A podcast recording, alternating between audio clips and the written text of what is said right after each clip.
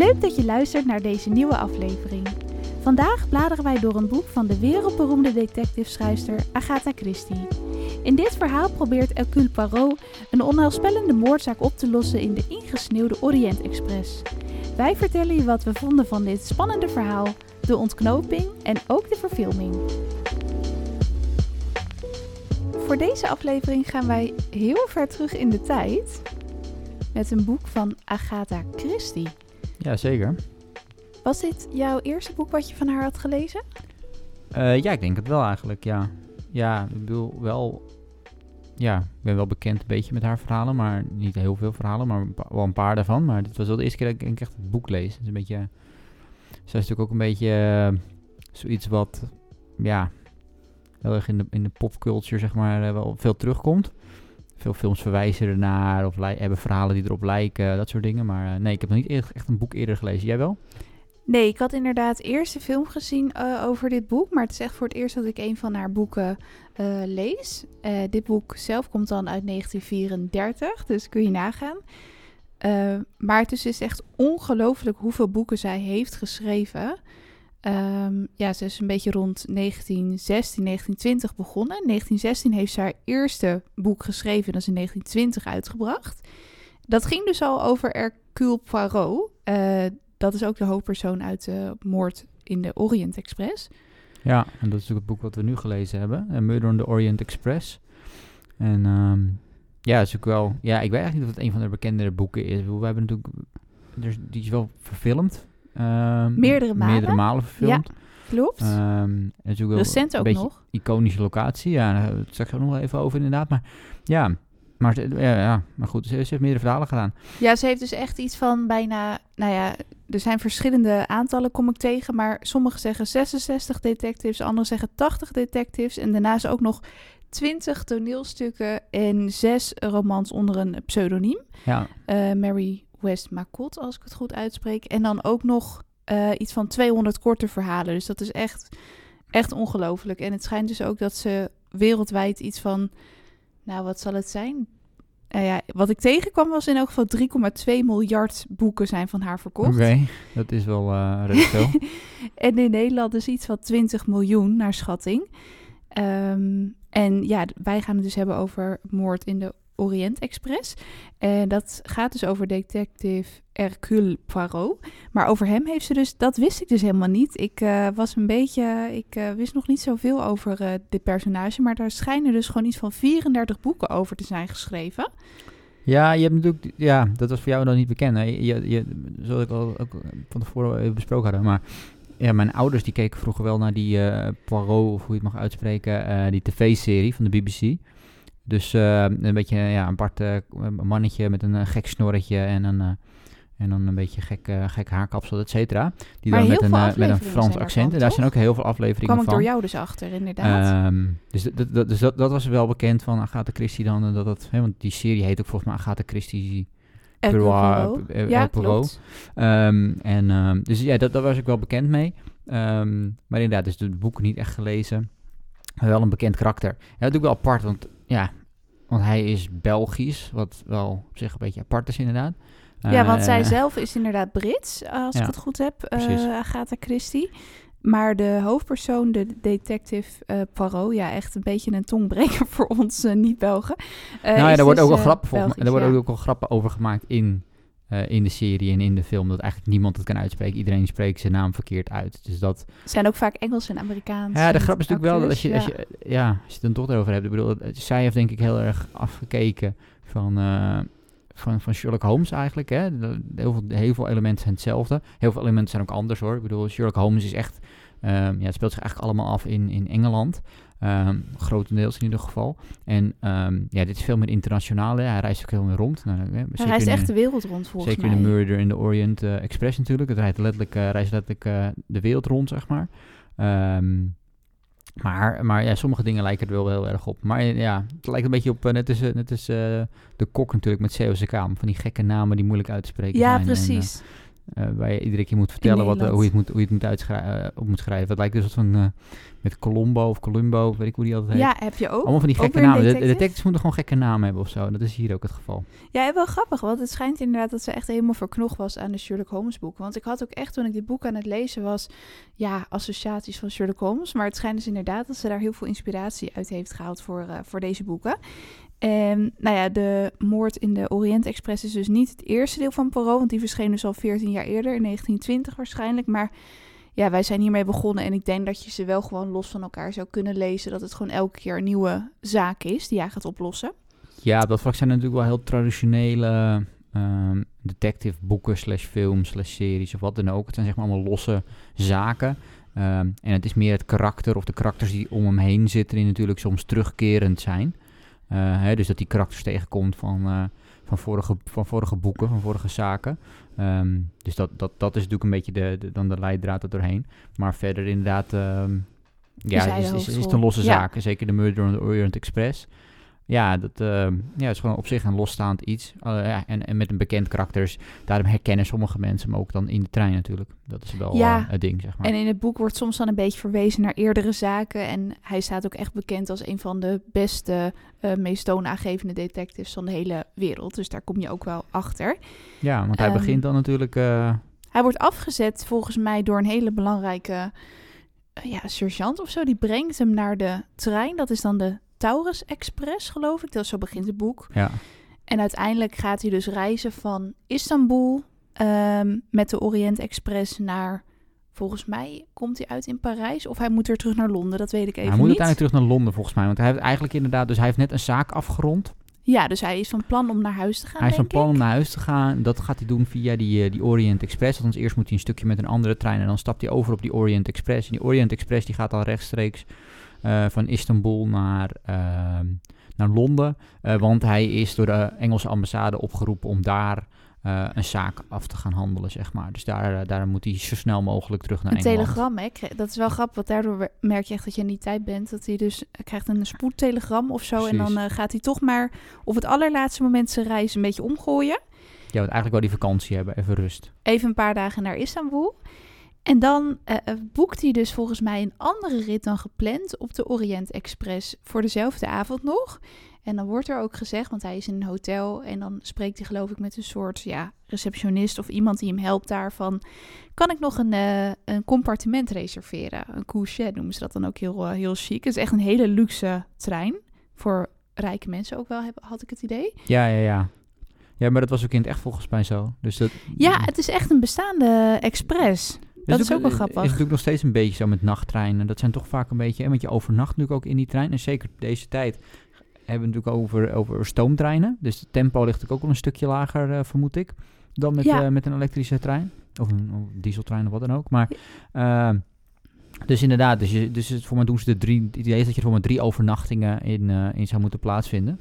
Met slapenrijtuigen dan inderdaad en een restauratiewagen. Dus waar je echt kunt dineren ook volgens mij. Het is echt het- een beetje het idee, een soort Ja. Hotel op wielen, toch? Ja, ja, ja, of een cruiseschip of wat dan ook, ja.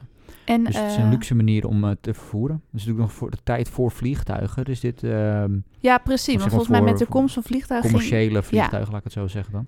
Precies, want volgens mij toen de vliegtuigen er eenmaal waren... was het einde van de Express ook wel een beetje in zicht. Die heeft volgens Ja. mij iets van 100 jaar eh, rondgereden.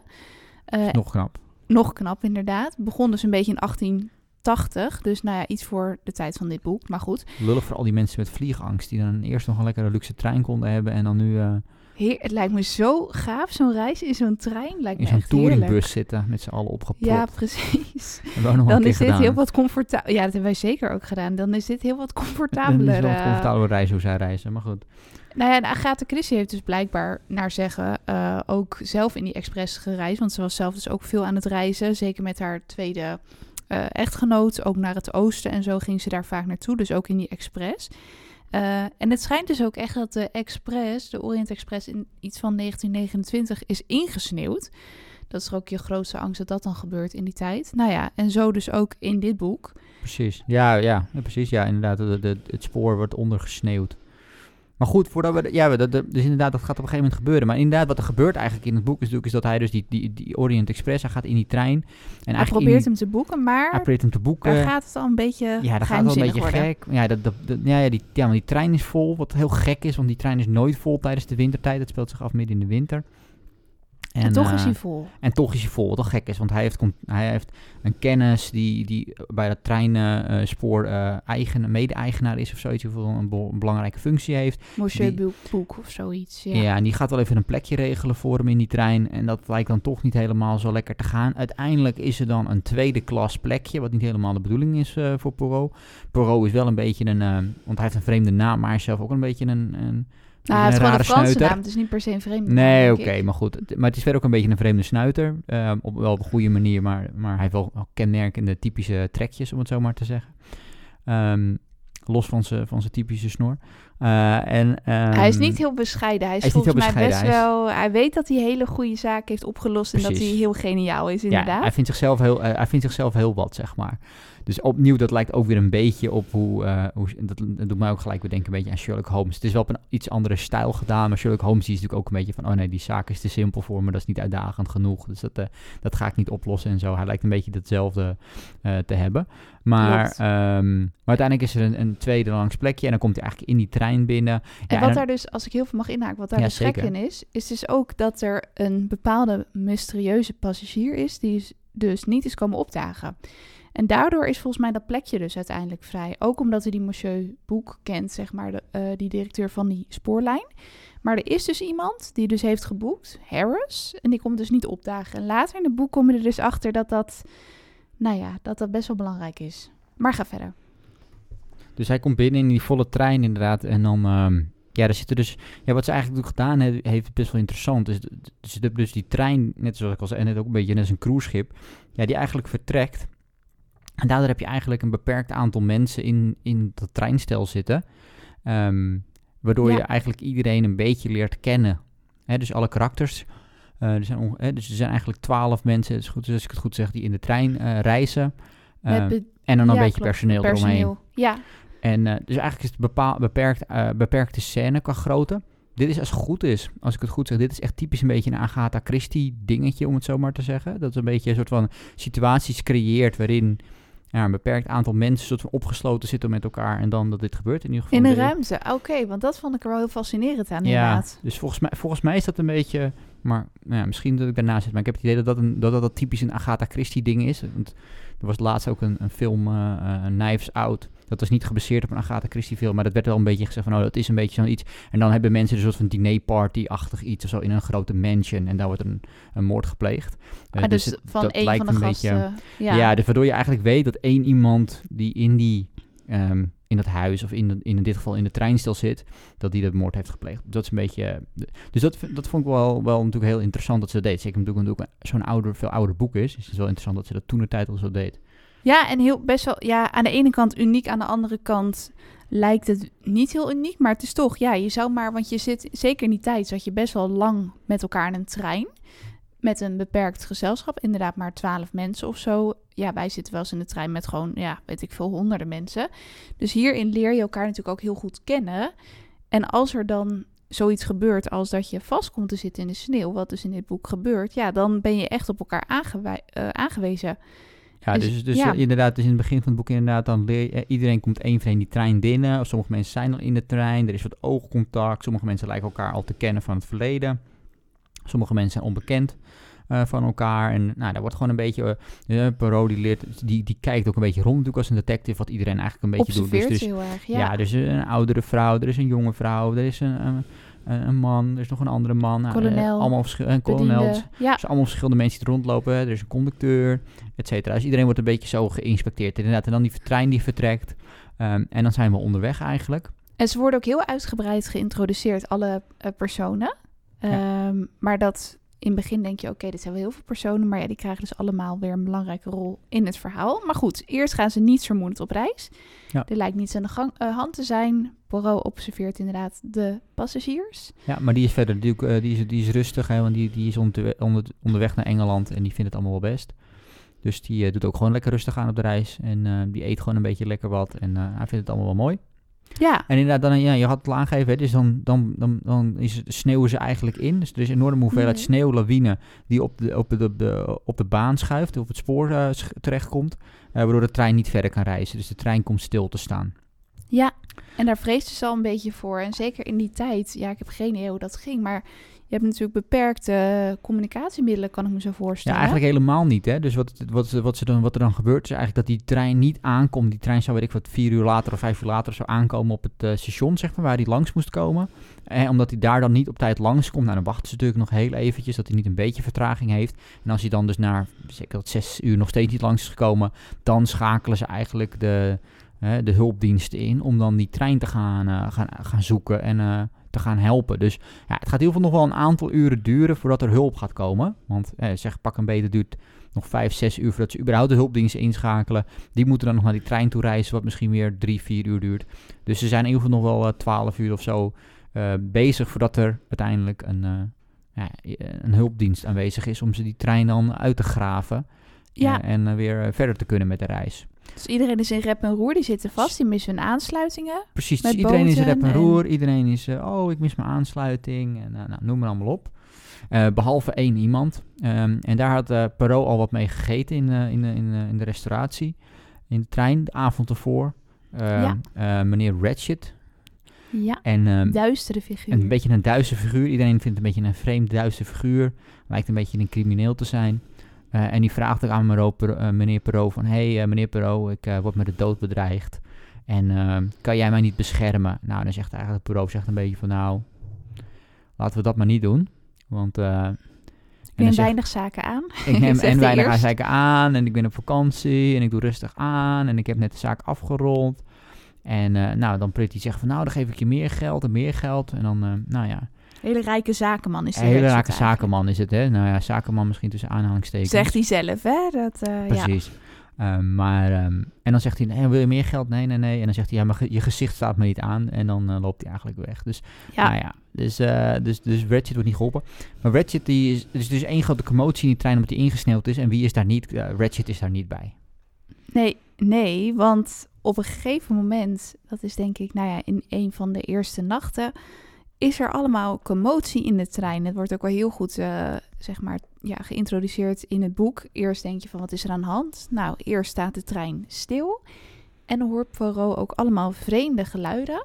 Hij hoort ja, gebonk, hij hoort een, een bel. Want volgens mij had je eh, in die trein een soort bel waarmee je de conducteur kon roepen als je bijvoorbeeld iets wilde bestellen of als er iets mis was. Dus hij hoorde een paar keer conducteurs heen en weer eh, lopen. En hij hoorde een eh, stem uit de coupé van Ratchet. Want sliep hij nou... Nou, hij sliep denk ik vlak naast Ratchet, hè? Want hij kon het best wel goed horen allemaal. Ja, volgens mij, nee, dus de eerste nacht, hoe het volgens mij, ja, dus de eerste nacht slaapt hij, slaapt hij, dus de eerste nacht Ja. slaapt hij tweede klas. En Ja. dan, in de, dan in, eigenlijk na de eerste nacht wordt hij overgeplaatst naar een eerste, er komt er een eerste klas coupé te, eh, vrij. Ja, en dan heeft hij dus opeens een plek eigenlijk één of twee kamers naast eh Ratchet. Dus hij, hij Ja. kan eigenlijk horen precies wat er in die kamer gebeurt. Ja, Klopt. Ja, oké, dan is dat het inderdaad. dat is ook ehm, Dat is een interessant detail. Een interessant detail, ja, absoluut. En Ah, ja, Dat- dat- ja, dat is wel een beetje... Ik moet wel zeggen dat het...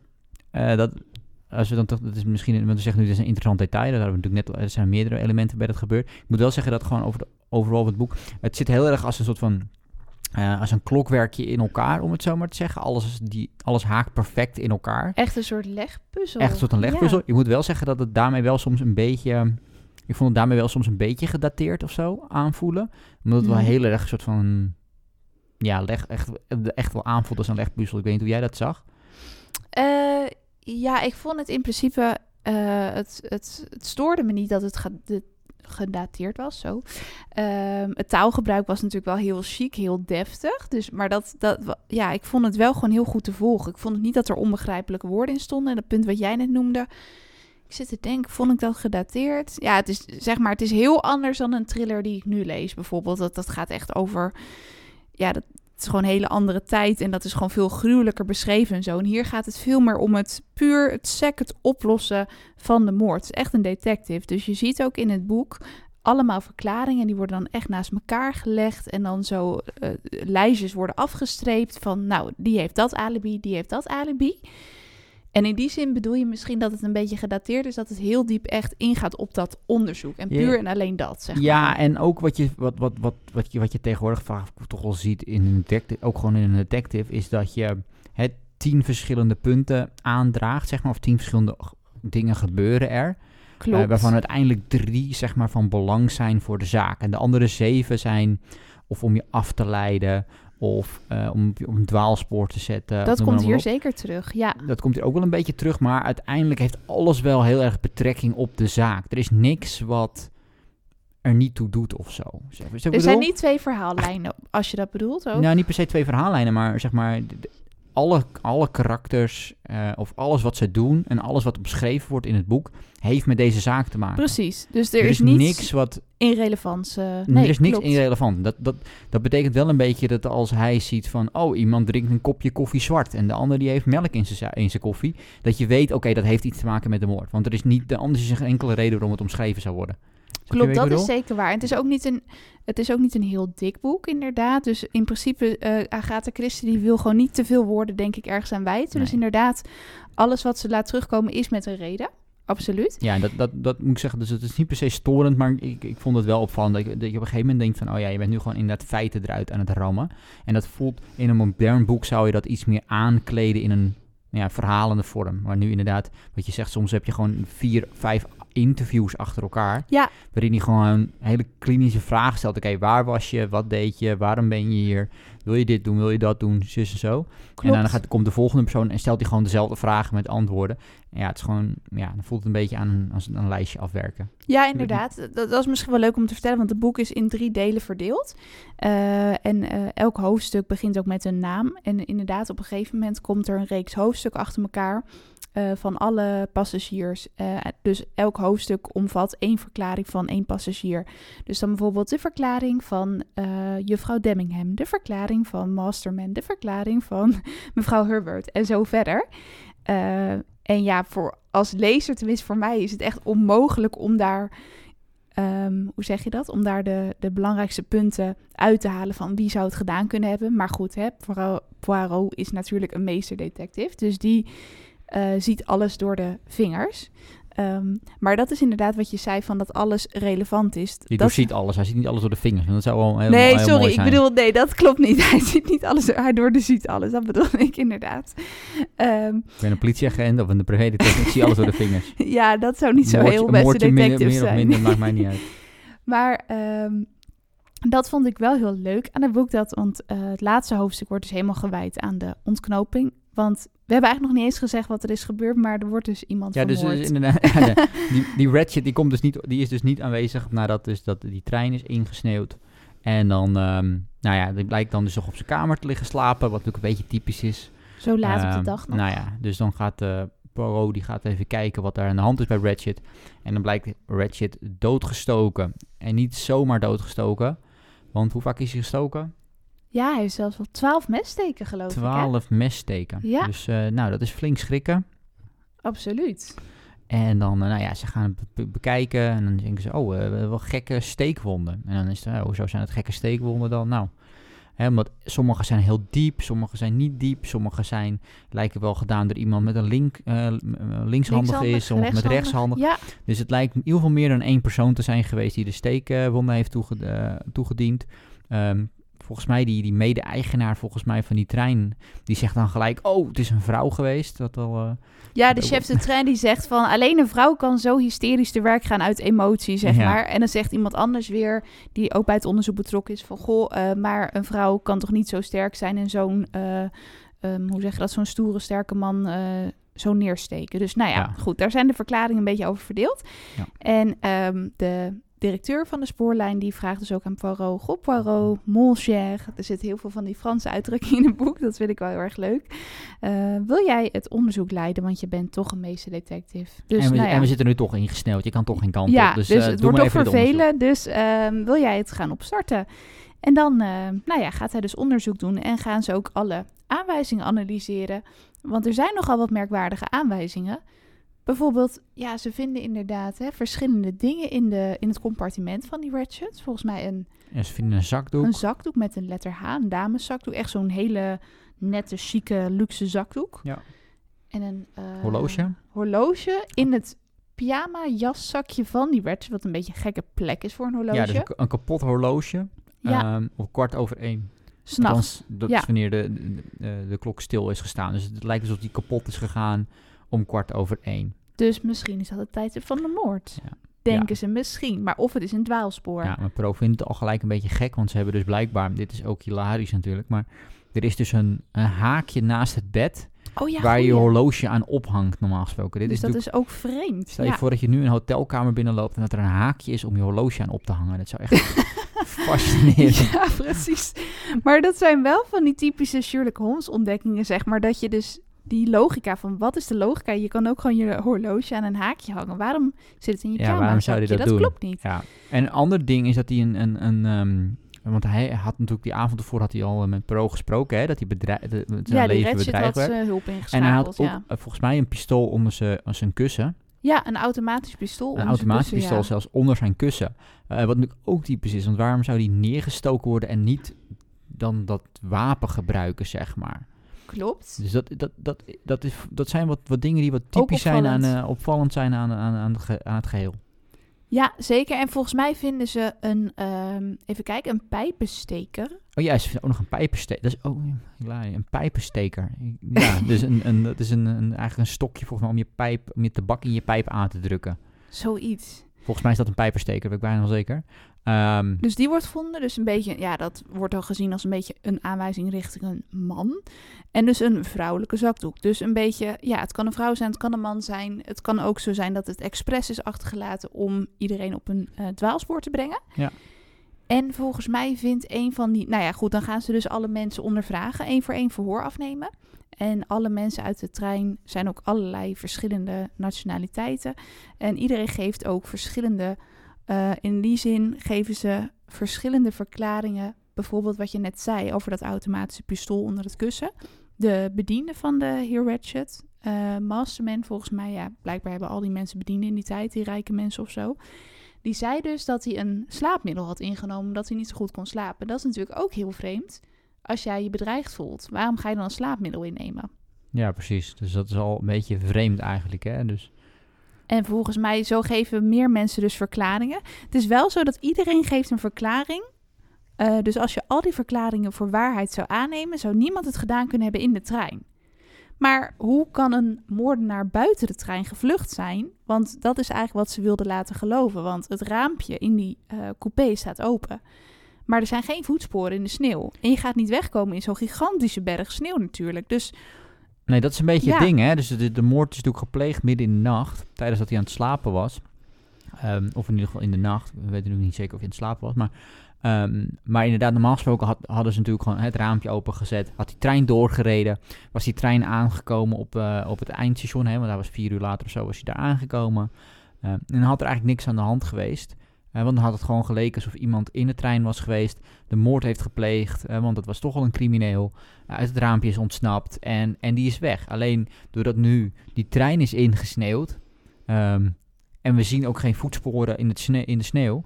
Weet je eigenlijk dat er niet iemand kan zijn van buitenaf die het gedaan heeft. Dus iemand moet nog in de trein aanwezig zijn die de moord heeft uitgepleegd, ge- gepleegd heeft. En nou ja, de personeel heeft natuurlijk die hele trein eh, doorgezocht.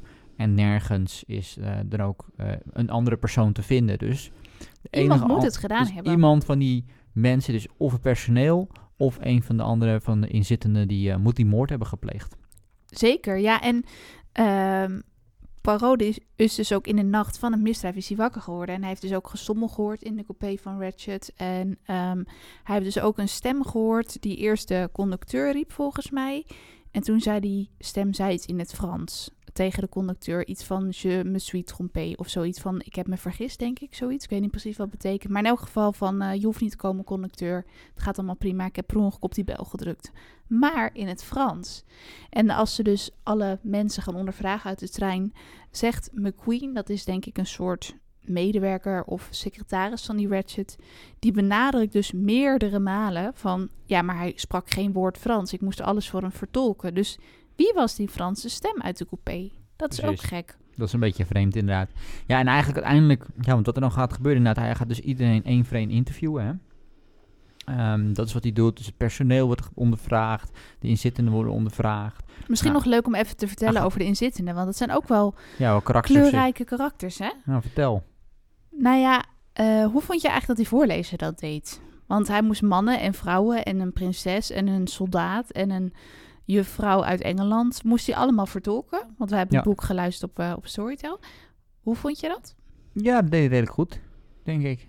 ik Jawel, toch? Ja, hij deed redelijk goed. Ik, ja, sommige, de ene karakter, sommige karakters kwamen wat beter eh, eh, uit de verf dan andere, zou ik willen zeggen. Maar, maar dat is ook logisch met zoveel verschillende karakters, denk ik. Maar ja, het was oké. Vond je het heel ouderwets eigenlijk? Hoe, hoe hij het voorlas? Hm. Nee, het En- voorlezen was niet per se, denk ik, ouderwets, nee. Kijk, het, het verhaal is natuurlijk gewoon op sommige plekken wat... eh, ja, ik wil niet zeggen gedateerd, gedateerd klinkt gelijk heel negatief, maar je, je merkt dat het een ouder verhaal is. Wat natuurlijk niet gek is, het verhaal is bijna 100 jaar oud, dus het is niet, eh, niet heel vreemd dat je er... Nee, precies. Het, absoluut. Je merkt het Eh, wel. En Maar natuurlijk de setting, woordkeuze, Ja. ehm, nou, zoals ik net al aangaf ook een beetje, hè, dat het iets statischer aanvoelt misschien dan, dan een modern boek zou zijn. Ehm, maar goed, dat, dat heeft ook een charme. Ehm, veel beleefder zijn ook alle mensen tegen elkaar. Ja, dat, ja sowieso. In dat dit is- verhaal in ja, elk vanwege de setting en, en natuurlijk de, toen de tijd dat mensen gewoon beleefder zijn. Eh, goed, dat hoeft natuurlijk niet altijd zo te zijn. In de Sherlock Holmes boeken gaat soms wel wat rauwer eraan toe. Dus dat is ook misschien gewoon een beetje hoe zij schrijft. Ze probeert natuurlijk toch een beetje het elitaire, denk ik, een beetje extra te benadrukken. Zeker natuurlijk in zoiets als The Murder on the Orient Express, waarin iedereen al ja, van hoge stand komt. eh, heb je dat natuurlijk helemaal snel, denk ik. Ja, want je hebt inderdaad ja, een prinses en je hebt dan ook weer een, een... de- Ja, je hebt echt allemaal verschillende mensen. En ook veel Franse Gouvernante. Gouvernante. Ja, hebben we ook even opgezocht. Wat was het ook alweer? Dat ja, een privéjuf eigenlijk. Privéjuf, hè? Ja. Ehm, Dus die gaat hij ondervragen. Maar ook allemaal bedienden. Eh, iedereen heeft bedienden. Nee, dat, hè. Ik, weet, niet- ik weet niet hoeveel mensen er nu al zijn met bedienden. Ze zullen er vast zijn. Ik ken ze niet, maar nee, ze zullen er vast hebben zijn. ze niet. Ik bedoel, maar, eh, ehm, Batman of zo heeft er een, maar verder weet ik het echt niet. Ehm, maar ja, dus dat is wel, wel anders. Ehm, maar inderdaad wel interessante karakters daar. Ja, dus Ja. eh, wat vond jij, vond jij, de stem, wat vond jij van de voorleesstem? Vond je vond je dat goed? Of? Ja, ik vond het eerst had ik een beetje dat ik dacht mijn vraagtekens van oh jee, ga ik dit boek kunnen doorworstelen? Want ik was me inderdaad bewust van dat het een wat ouder boek was. Maar ik vond echt dat de voorlezer verrassend goed ook de vrouwelijke karakters, dat hij dat echt heel goed deed. Want je hebt dan bijvoorbeeld een mevrouw Hubbard, dat was Herbert of zoiets. Dat was een Amerikaanse dame, een beetje emotionele dame. En die praten altijd maar over de dochter. Constant. Iedereen die het maar horen wilde, vertelde ze alles en wat je maar horen wilde over die dochter. Eén grote spraakwater van. Nou, dat deed hij bijvoorbeeld heel erg goed. Ja. Aan de andere kant had je ook weer een Russische prinses, eh, mevrouw Dragomirov. Echt een, een dame van 90 jaar. Eh, ook wel grappig. Er zit toch ook wel wat humor in het boek. Want eh, hoe ze wordt beschreven, die vrouw. Het is dus echt een rijke, luxe dame van stand met allemaal sieraden. Maar er wordt wel even meerdere malen benadrukt dat ze zo lelijk is als de nacht. Toch? Precies, die ja. uh, Dragomirov. Dus dat deed hij ook weer heel goed met een, uh, een, een stemmetje. Nou ja, en dan had je een weer wat kalmere uh, juffrouw Demmingham. Uh, die kwam uit Bagdad. Nou, dat was de gouvernante. En dan had je een graaf en een gravin en een kolonel. En nog een Italiaan en nog een Amerikaan. Dus ja, dan moet je ook wat verschillende accenten doen. Nou, of moet Precies. niet, maar dat werd gedaan. Dat werd gedaan en dat werd gedaan met uh, wisselend succes. Precies. Maar die werden dus afgewisseld. En al die mensen die worden dus in het begin van het boek heel uitgebreid beschreven. En vervolgens dus één voor één ondervraagd door Poirot en zijn uh, medestanders die hem daarbij helpen. En ja, ze geven dus allemaal verklaringen. Uh, ze hebben allemaal blijkbaar een alibi. Want de een ligt te slapen en de ander zat met iemand anders te babbelen in een compartiment. En zo verder. En ze lijken elkaar een beetje het hand boven het hoofd houden. Maar dat is eigenlijk heel vreemd. Want op het eerste gezicht hebben ze geen connectie met elkaar. Nou, dat is ook het hele ding. Is natuurlijk, ze zijn allemaal, ze, de, of de grootste gedeelte van de mensen heeft elkaar voor het eerst ontmoet op die treinreis. Uh, er zijn wel een paar mensen die elkaar kennen van iets in het verleden, wat ze dan uh, wat ze aangeven van, oh weet je wel, ik heb jou een keertje daar ontmoet of we hebben een keertje iets. Maar zelfs dat is redelijk oppervlakkig wordt dat gehouden. En tegelijkertijd lijkt het alsof ze elkaar bijna indekken op een gegeven moment. En dat, uh, dat is een beetje vreemd. Waardoor Perot ook een beetje die zegt van, hoe kan het nou? En ook natuurlijk, hij zat eh, net al zeiden, één of twee kamers maar van de moord af. Dus hij zou ook iets gehoord moeten hebben of wat dan ook. Dat zou je van verwachten. Het is een beetje vreemd eigenlijk hoe de, wat, wat er allemaal aan de hand is. Ik heb daar trouwens een uh, stukje over opgezocht in het boek. Over wat tijdens de moord gebeurde en wat Poirot hoorde. Dus misschien is het leuk als ik dat eventjes probeer voor te lezen. Oh, het maar ik heb maar een klein stukje gedaan, want ik, ik wilde eigenlijk een langer stuk doen, maar ik dacht, nou, dat is misschien leuker voor mensen als ze nog niet gelezen hebben, om dat zelf even te beluisteren of te, te lezen. Krijg je dan ook gelijk een Italiaans accent of valt dat nou, ik zoek expres nog een stukje uit dat ik zo min mogelijk stemmetjes hoef te doen, want dat is niet eh, mijn sterkste kant, absoluut niet. Maar ik, ja, ik eh, hoop dat ik een beetje de sfeer van het boek zo kan, kan laten horen. Ehm, ik pak het er eventjes bij. En dit is dus een stukje eh, waarop, eh, of tijdens de nacht waarin dus Ratchet wordt vermoord, maar dat weet Poirot nog niet. Die is eigenlijk gewoon ehm, ja, onbezorgd aan het slapen, maar dan gebeurt er toch iets waardoor hij wakker wordt in zijn coupé. Poirot dronk een glas mineraalwater en maakte zich gereed weer te gaan slapen. Juist toen hij op het punt stond in slaap te vallen, gebeurde er iets waardoor hij weer, wat hem weer klaar wakker maakte. Het was alsof er iets zwaars met een bons tegen de deur viel. Hij sprong uit bed, deed de deur open en keek naar buiten. Niets te zien. Maar rechts van hem, wat verder de gang in, zag hij een dame in een vuurrode peignoir weglopen. Aan het andere einde van de corridor zat de conducteur op zijn bankje. Hij was bezig getallen in te vullen op grote vellen papier.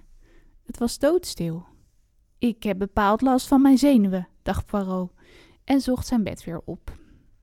En waarom ik dit dus heb uitgekozen, dit stukje, is omdat die vuurrode peignoir of kimono, dat lijkt iedereen ook een beetje op het verkeerde been te zetten. Want, ehm, nou ja, er zijn dus een aantal dames in de expres aanwezig. En Poirot gaat ze dus ondervragen van, goh, wat eh, is de kleur van uw peignoir? Nou, de ene lila, de ander geel, de andere donkerblauw, weet ik het wat.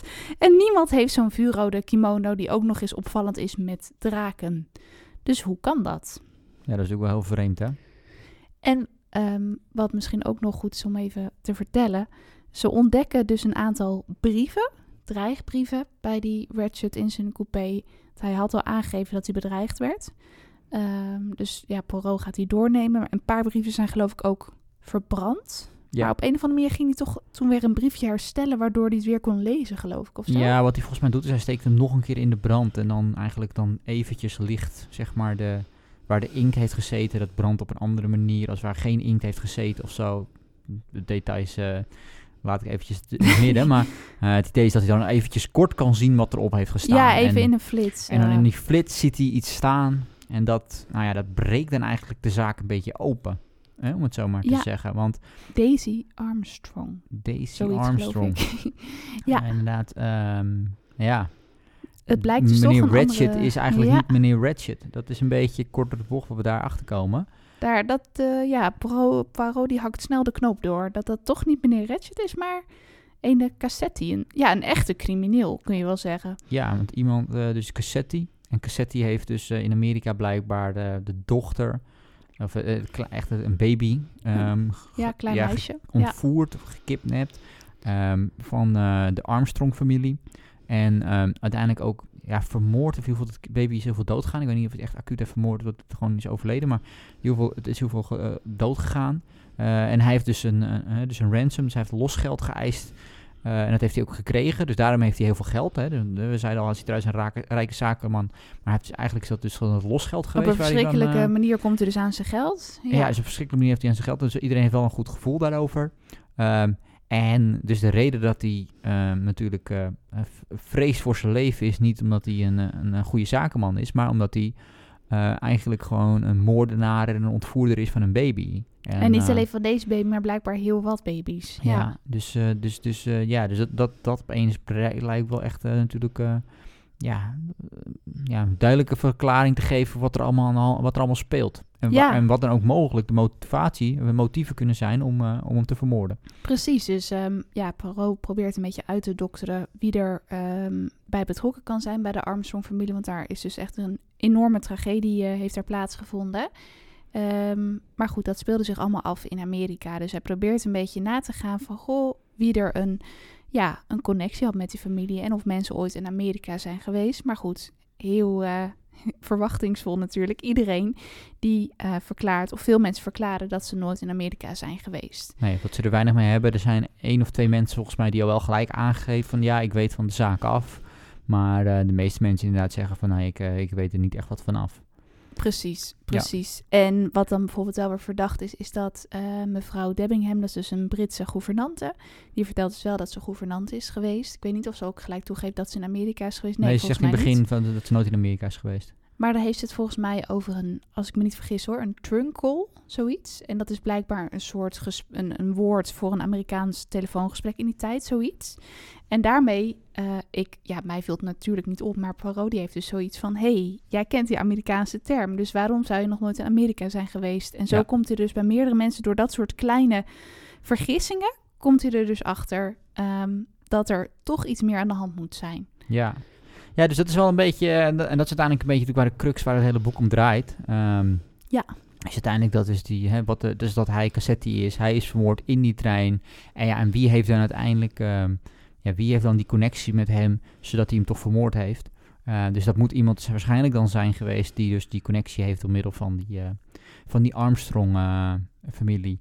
ja, dus ja, Ja. goed. Eh, mocht je nou denken van ja, ik ga dit eh, boek zo eh, zelf lezen, of, of misschien wel de film kijken, of de serie Kan kijken. ook. Of, Er zijn echt ik- meerdere films, zelfs uit Whatever. 1974 is de film. Ja. We zullen zo ook nog even wat over de film vertellen. Ja, maar we, gaan, we, we- we willen toch denk ik iets vertellen een beetje over die ontknoping, omdat het toch wel Ja, belangrijk is. Maar goed, mocht je dus dan, dan kun je misschien nu beter de, ja we gaan zo even of vooruit skippen, of, of, voor de zekerheid even uiten. Want we vinden inderdaad... uitzetten en inderdaad dan later terugkomen als je het gelezen hebt. Ja, want we vinden het wel heel waardevol om die ontknoping even te bespreken. Omdat het ja, wel heel eh, origineel is. Maar als je het boek nog niet hebt gelezen, wil je dat natuurlijk eerst zelf lezen. Aan dus de- dat gaan we zo bespreken. Aan de andere kant, het boek is bijna 100 jaar oud. Dus als je het nu nog niet gelezen hebt, ja, dan hoef je ons niet meer te gaan. eh, ik bedoel, spoiler, dat is wel. Maar goed, oké. Wij hadden hem ook nog nooit gelezen tot een week geleden. Nee, know, voor het eerst. het is niet meer Eh, echt een spoiler te noemen natuurlijk, Nee. dat het 100 jaar oud is. Maar goed, ja. Nee, precies. Nee, dat is waar. maar, Maar, ehm schoot me net nog iets te binnen over Ja. die, wat ik wel interessant vond. Dit gaat nog heel veel niet over de ontknoping, maar die komt zo meteen. Ehm, maar wat Poirot dus ook ziet in die dreigbrieven? Ja. eh, die Ratchet heeft, is dat het allemaal met een verschillend handschrift is eh, geschreven. Dus alle letters zijn door verschillende mensen geschreven, lijkt het wel, waardoor het heel lastig is om dat handschrift te ontcijferen. En wat hij dus heel slim doet, is dat hij tijdens die verhoren gaat u dus aan iedereen vragen: wilt u even uw naam en adres opschrijven? En dan gaat u dus ook kijken van hoe dat handschrift eruit ziet, maar ook met welke hand ze schrijven. Omdat die steken dus met zowel Links is rechts. ja. Ja. Dus dat vind ik wel hele slimme, grappige trucjes die ik zelf dan niet doorzien had, zeg maar.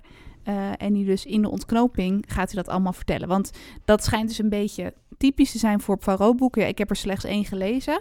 Eh, maar het schijnt dus dat wel vaker aan het einde van het boek... dat hij een soort slotbijeenkomst organiseert... waarbij hij alle eh, verdachten verzamelt. De confrontatie, hè? Ja, Dat is een beetje natuurlijk wat dat is, dat element. In, je ziet het in meerdere series en detectives en boeken en dat soort dingen. Maar inderdaad wordt hier vrij opnieuw weer een beetje bijna klinisch gedaan. Hè, in plaats van dat het wat meer spontaan gebeurt. Hier roept hij echt iedereen bij elkaar. En ik ga je nu vertellen wat er gebeurd is.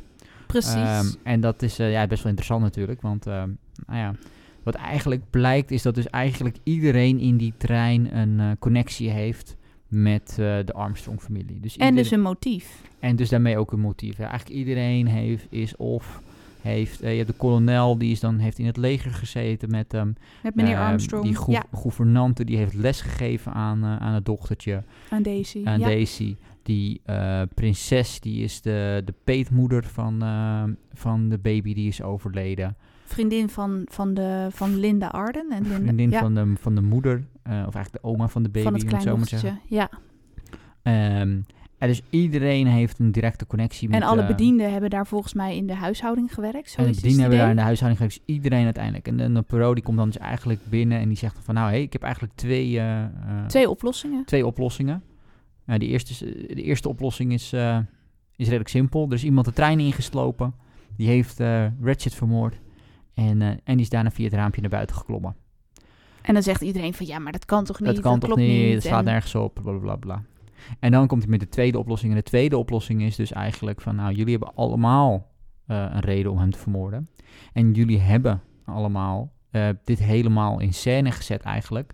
Jullie zijn met z'n allen tegelijkertijd in die trein gekomen. Jullie hebben alle treinkaartjes volgeboekt. Ehm, Daarom was hij ineens vol, want ze daarom wisten. was Ja, die trein ook helemaal vol, inderdaad. Daarom, nou, wat je net al aangaf, hè, over die, eh, diegene die niet opkomt die dagen. Harris. Ja. Ze hebben dus eigenlijk op een, op een, fictieve naam hebben ze een treinkaartje besteld, zodat die trein vol zat. Klopt. En hoe die daar dan ook is achtergekomen. Want hij had het dus met, eh, met zijn vriend, uh, de directeur van de spoorlijn, had hij het over van... Waar kom je nou zo'n, ehm, ja, hetero, uh, zeg je dat goed? Heterogeen gezelschap? In elk geval een, een gezelschap met zoveel verschillende mensen. Waar kom je dat nou tegen? In die tijd was natuurlijk heel lang geleden allemaal. Ze zeiden ja, eigenlijk alleen in Amerika. En toen begon die, begonnen voor hem dus blijkbaar de puzzelstukjes een beetje op hun plek te vallen. Um, want we wisten al, Cassetti is betrokken geweest bij Armstrong. Zo'n gezelschap kan alleen maar voorkomen in Amerika. Dus toen is Poirot blijkbaar een beetje gaan raden van wie kan welke rol vervullen in een, in een huishouding. Dus vandaar dat hij ook dat soort typische vragen aan iedereen ging stellen.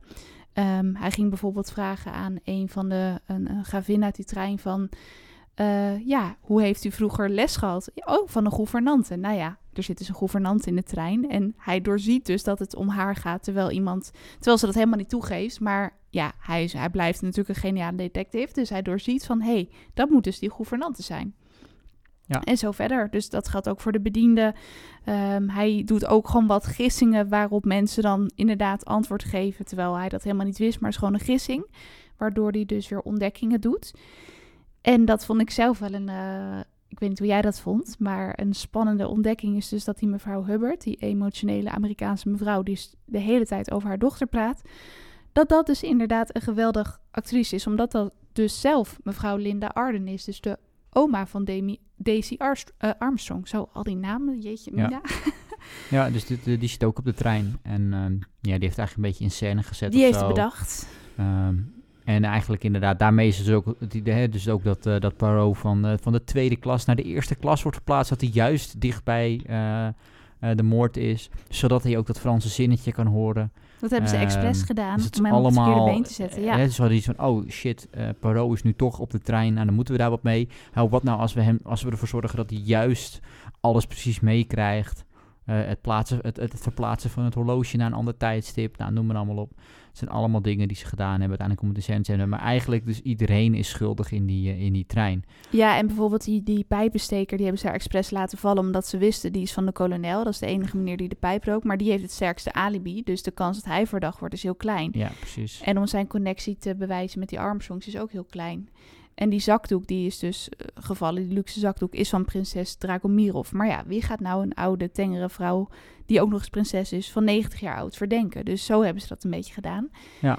En die, dus uh, uh, ja, dat is ja. wel heel interessant inderdaad. En, en, niemand heeft die kimono, waardoor het iemand van buitenaf moest zijn, et cetera. Dus ja, dat is wel, het zit wel redelijk grappig in elkaar eigenlijk, dat einde. En uh, ja, het is wel... wel ja, opnieuw. En die ja. vetvlek op dat paspoort vond ik ook wel een goeie. Dat iemand dus zichzelf eventjes... Nou een ja, andere naam heeft gegeven. Ja, ja, precies. En dat doorziet hij natuurlijk ook gelijk Paro.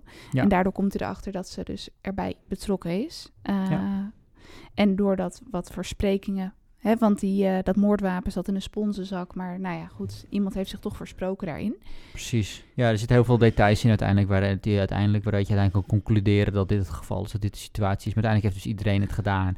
En dan zit hij een beetje in een moreel dilemma. En dan, ja, dan maakt hij de keuze ervoor eigenlijk om dan... Uh, dan zegt hij, nou ja, dan ga ik toch maar voor mijn eerste oplossing, want die klinkt logischer. En dat is natuurlijk een beetje omdat hij zoiets heeft van, ja, moet ik dan um, twaalf um, mensen die een, nog een goede toekomst voor zich hebben, waarvan het leven geruineerd is eigenlijk door deze man, moet ik die dan ook, moet ik die twaalf levens dan ook nog laten vernietigen? Uh, of verloren laten gaan, verloren laten gaan. Uh, allemaal omdat, die, uh, omdat ze dit gedaan hebben. Dan kiest, zegt hij dus dan uiteindelijk gaat hij eigenlijk aangeven, nou, hè, laten we dan maar gewoon zeggen van, dat er een, iemand van buitenaf de trein in is geslopen. Voor de eerste en, oplossing. Voor ja. de eerste oplossing. En dan eindigt eigenlijk het boek. Klopt, ja. En uh, die twaalf mensen is volgens mij ook een beetje symbolisch voor de Amerikaanse jury of zo. Dat hadden ze echt zo bedacht van twaalf okay. messteken. Ik weet niet of het nog steeds zo is in de jury, maar ja, dat, ja, dat symboliseerde is... dat een beetje. Ja. Dus vandaar ook die twaalf steken. En daardoor ook heel lastig natuurlijk om te achterhalen wie het geweest is. Ja. Um, maar wat vond je van die plot? Ja, dat was wel grappig. Ja, ik moet zeggen, volgens mij wist ik dat al op de een of andere manier. Misschien via de tv-serie of misschien toch een keertje iets gehoord of wat dan ook. Dus of de ik, film misschien? Ja, de film hebben sowieso de film eigenlijk ja, de, de film hebben sowieso ervoor al gezien voordat we het boek hebben gelezen. Want we hebben de film dus een tijdje geleden, twee jaar geleden, voor mij 2019 toen die uitkwam die film. 2017 kwam die uit inderdaad. Hebben we hem nou in de bioscoop gezien of thuis? We hebben die in de bioscoop gezien. Okay. En we hebben hem dus nu, nadat we het boek gelezen hebben, nog een keer gekeken. Dus we hebben, ja. we hebben hem goed op ons Netflix zitten. We hebben hem goed uh, ondergedompeld in die Dat is dus de 2017 versie, want er is ook nog een oudere versie. Die hebben ja. we niet gezien. 1974? Die heb ik niet gezien. Heb jij van me ook niet gezien? Nee, maar het schijnt dus wel dat Agatha Christie, want zij leefde toen nog, zij is in 1976 overleden, dat Ja. zij dus eh, wel dat scenario voor die film heeft geschreven. Oké, dat, best- dat is best wel 1974. interessant. Ja, Maar ik, ik kon die niet zo gauw vinden. Dus ik mo- moeten we maar eens gaan researchen waar je die film we te zien eh, krijgt. ja, kan precies. want deze was dus van 2017 de film. Ja, dat is gewoon de meest Ehm, recentelijke. En die, maar daar kunnen we zo eh, nog even iets over vertellen. Maar sorry, wat, wat vond je van de plot? Ja, dus je zei, ja, ik dus wist het dus eigenlijk al, dus was geen ik wist verrassing het voor jou. al. Ik vind het wel origineel. Ik, ik moet zeggen dat ik, ja, ja, de keuze die hij daar maakt om te kiezen voor de eerste optie is wel eh, interessant of zo. Vind En ik. van het feit dat iedereen erbij betrokken is, zag je dat, vond je het voorspelbaar of met al die aanwijzingen? Nee, het, wat grap is wel, en dat ik, ik, op de een of andere manier was het, dat ik op een gegeven moment wel zat van, oh, dit is wel heel afgezaagd of zo, dat iedereen eh, die Armstrong-familie kent of zo. Wat is dat voor iets vreemds of Het zo, wordt een beetje bijna te Nee, ongeloofwaardig. Ja, van, te hoe kan dit? ongeloofwaardig. Hoe kan- En dan op een gegeven moment dat zat, zat ik, oh ja, ja, natuurlijk, oké, ja, I get it. Ehm, dus dat, dat is op zich wel goed dat ze dat doen, want anders zou het een beetje gek zijn natuurlijk, want dat zie je ook wel eens, dat dat, dat het wel heel erg... eh, Een beetje random on the of zo. nose is, maar de niet. Dus ja, ik vond het wel, wel interessant. Zoals ik zeg, het is iets te veel, naar mijn mening. ehm, maar het meer hoe het geschreven is misschien dan uiteindelijk het einde. Dat het iets te veel als een puzzelstukje en ook eh, puzzel, dat de puzzelstukjes wel heel netjes in elkaar vallen, zou ik maar zeggen. Het is wel heel erg slik eh, in elkaar gezet. Dat dat, ja, gewoon wat, wat het ouderwets is. Maar verder is het wel, vond ik het wel een leuke ontknoping. Ik hou daar dus zelf persoonlijk heel erg van. Inderdaad, dat even in de laatste paar bladzijden. Wij hebben net een beetje geprobeerd voor jullie te vertellen. Maar eh, het staat ook heel mooi natuurlijk uitgelegd in het boek. Dat even alle aanwijzingen komen even aan bod. Van dat was de reden van de knoop. Die hebben we nog niet eens besproken. Die is ook ergens eh, gevonden. Dat was de reden van de zakdoek en zo verder, zeg maar. Ja. Eh, dus ik hou er zelf heel erg van als alles even letterlijk wordt toegelicht. Dat ik denk, oké, zo zat het dus helemaal in elkaar. En zo hebben ze dus Poirot geprobeerd te misleiden. Ehm, Ja, voor, mij, het- voor mij hoeft het iets minder volgekoud te worden, zeg maar. Dat, dat, ja, eh, precies. Dat ik op een gegeven moment denk, ja oké, nu, nu weet ik wel waarom die knoop. Weet je wel, waarom, waarom die kimono. En dan denk ik, ja oké, weet je. Misschien liever iets meer zelf invullen jij ja, dan. op een gegeven moment mm, ja, zou ik verwachten van, dat je een beetje vertrouwen hebt in je lezer, dat ze dat wel doorhebben wat er speelt. Dat je niet, ja, ja, daar hou jij dan inderdaad misschien wat meer goed, dat, dat, van. is een smaakding. Dat is, verder, dat- dat- Ja. dat, is gewoon, dat is gewoon hoe ze het hebben opgebouwd. Dus dat is ook oké. En ehm, En wat ja, jij ervan dan? Ja ik, ik, ik had zelf werkelijk geen idee wie nou de moordenaar kon zijn. Ik, had, ik vroeg me echt wel wie moet het nou zijn, want een van die twaalf mensen moet het zijn. Eh, maar hoe ze er dan uiteindelijk bij betrokken blijken te zijn, vond ik wel echt eh, ja, heel goed bedacht, heel goed uitgewerkt. En ehm, wat ik ook zat te denken, want iedereen kende elkaar natuurlijk heel erg goed. Ze deelden ja, vreselijk verdriet met elkaar. Ze zaten allemaal voorbedachte raden, met voorbedachte raden in die expres. Maar ze moesten natuurlijk doen alsof ze elkaar niet kenden. Eh, dus wat een geweldige acteurs moeten dat geweest zijn, zeg maar, in dat verhaal. Want ze hebben dus Poirot echt op het verkeerde been gezet en echt gedaan alsof ze iemand anders waren. En om dat te kunnen bedenken, om dat uit te kunnen werken, vind ik wel heel, eh, heel sterk. Nou, mooi. Zeker. En de film? De film, ja, ik, ik vond het wel een goede film eigenlijk van Kenneth Branagh. Ik kan het nooit goed Ik uitspreken. ook niet precies, zoiets. Eh, redelijk redelijk bekende acteur slash regisseur. Hij regisseerde het en hij was Poirot zelf hè, in de film. Dus hij, ja, hij is producer, regisseur en de, de, de, de hoofdrolspeler. Eh, dus eh, meneer Poirot speelt hij. Ehm, ehm, best wel bekende acteur. Hij gaat ook acteur. weer eh, de moord of de dood op de Nijl verfilmen, Ja, toch? ja, precies. Die gaat volgens mij volgend jaar of dit jaar uitkomen. Je weet Die zou eerder uit moeten komen met corona, maar Ja, die... ik kan het ja, zeggen, je weet het nooit met alle films. hè. James Bond is gewoon ook al vier, vijf keer uitgesteld. Dus je weet het ook niet met deze film. Maar, ehm, maar ja, nee, ik, ja, voornamelijk wat het natuurlijk interessant maakt is, nou ja, het is, het is wat we al besproken hebben, het is best wel een goed boek. Ehm, interessant verhaal. De acteurs in de film zijn echt amazing. Ik weet niet hoe, hoe die dat voor elkaar krijgen. Weet je wel, we hebben, we hebben Johnny Depp, we hebben Willem Dafoe, we hebben... ehm, Penelope eh, Cruz, als ik het goed uitspreek. Penelope Cruz, we hebben... eh, hoe heet ze? Nou, ik ben... ehm, Michelle Michelle Pfeiffer. Ja. Dury, Dr- Dury Trench, hoe heet ze? Eh, Dury Judy Trench? Dash, Trench, zoiets. Ja. Ehm, van, eh, wat is dat? Zij Q of nee, ze is, of Mrs. nee, ze is van James Bond ook en nog wat andere films. Maar goed, best wel, wat- best wel, eh, dus op dat vlak echt wel wat goed, act- ah, goede acteurs. Hele mooie film ook, vind ik zelf. Eh, met die trein die door mooie landschappen heen rijdt, wat natuurlijk best wel interessant is om te zien. Ehm, ja, gewoon, Mooie dus- muziek vond ik Mooie ook. muziek ook. Dus echt een mooie productie. Eh, wat je wel merkt is dat het een wat ouder verhaal is. Dus dat, dat hou je gewoon een beetje. Dus ze hebben het wel wat, wat, wat meer aangekleed in de film. Hè. Dus de film begint met eigenlijk een, een korte introductie van volgens mij een ander kort verhaal van uh, Poirot. Andere zaak van Poirot, Een andere ja. zaak. En er zitten wat meer details in. Sommige karakters lijken een beetje samengevoegd. Nou ja, er zijn wat, wat, zijn wat veranderingen gemaakt. Wat ik Er denk zijn niet, wel wat aanpassingen gedaan Dat- ten opzichte van het boek. Ja, Dat is denk ik ook niet per se een probleem. Ook dus nee, dus het is wel goed. toch? Het enige is natuurlijk dat als je, als je een cast hebt met zoveel topacteurs, om het zo maar te zeggen. Dan uit sommige karakters zijn we wel. Ja, zou je normaal gesproken, als je een rol, echt een nieuwe rol zal schrijven voor sommige van die acteurs, zou je er wel iets meer uithalen. Ik Zo'n Ratchet voelt wel een beetje eendimensionaal aan, zou ik maar zeggen. Weet je. Dat is Johnny Depp, toch? Dat is Johnny niet? Depp. Die is wel heel erg soort van. "Urr, urr, ik ben, eh, ik ben een heftige, stoere kerel die. eh, die, eh, die echt een zware crimineel is zo, weet je? Dat je denkt van ja, oké. Daar zou je iets mee kunnen. Hetzelfde geldt met zo'n Willem de Voe. Die doet het hartstikke goed. Kan echt goed acteren. Maar hier heeft hij niet heel veel materialen mee te werken. Dus dat is soms een beetje zonde. Maar goed, dat doet niet per se af. Ik denk als je gaat gaan kijken, is het niet een... eh, het is niet per se een Oscar-winnende film. Maar het is wel, denk ik, een leuke film, denk ik. Doet gewoon. ook wel recht aan het boek, vind ik. En Zeker. eh, ook leuk dat ze inderdaad soms letterlijke zinnen gewoon uit het boek, dat zij die ook eh, zeggen van I do not like your face of zo. Of Ja. nou ja, die, die verhoren worden ook wel goed nagedaan. Het is natuurlijk ook best wel lastig om zo'n boek, denk ik, ja, om dat eh, te verfilmen, want het is heel veel dialoog. Ehm, Ja, daarom. En dat, ik denk dat ze dat wel redelijk goed... ehm, ja, ik denk wanneer je het hebt over een boekverfilming... dat het dat op dat vlak, zeg maar, dat het wel goed geslaagd is, zeg maar. Dus Ja. is het, een, is het een, een fantastische film of zo? Dat zeg ik, nou, het is niet per se een fantastische film... maar qua boekverfilmingen doen ze dat wel heel goed. Het is wel Ja. echt een ver- verfilming van het boek... Echt een vertolking van het zonder boek. ja. dat het heel saai of langdradig wordt. Want dat zou best wel kunnen, zeker omdat er zoveel...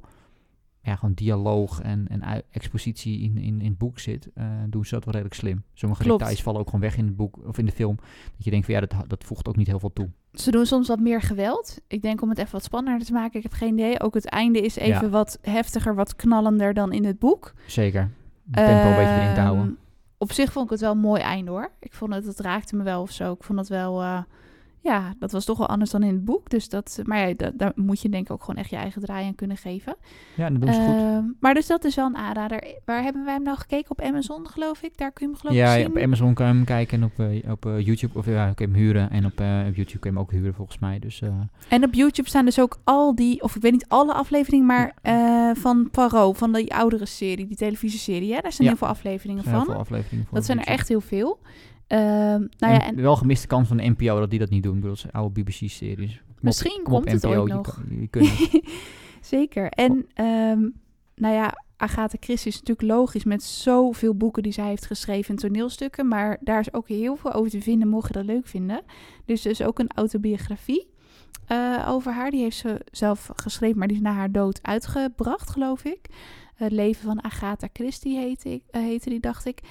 En wat dus ook wel grappig is, is dat eh Hercule Poirot, die heeft weer nieuw leven ingeblazen gekregen volgens mij, hè, van een eh, actrice. Die heeft toestemming gekregen van de nabestaanden van Agatha Christie.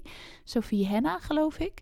En die schijnt gewoon weer een aantal Hercule Poirot boeken te hebben geschreven. Gewoon een aantal jaar geleden. Volgens mij net een beetje als met de Millennium trilogie is dat volgens mij gebeurd van Ja, een aantal, aantal series. En bijvoorbeeld Suske en Wiske eh, wordt volgens mij nog steeds nieuwe dingen geschreven. Terwijl Na de dood van de schrijver. eh, dood van de schrijver. Het is Ik ook weet een beetje anders. Maar, ja, eh, precies. maar voor Tom Clancy ook. er zijn wel meer dat soort dingen. Sherlock. Holmes en dood volgens is. mij toch ook. Nou ja, in elk geval veel eh Ja, de succesvolle... kok ook trouwens, volgens mij. Worden ook natuurlijk steeds nieuwe boeken volgens mij geschreven. Maar dat is wel dan weer van familie van de.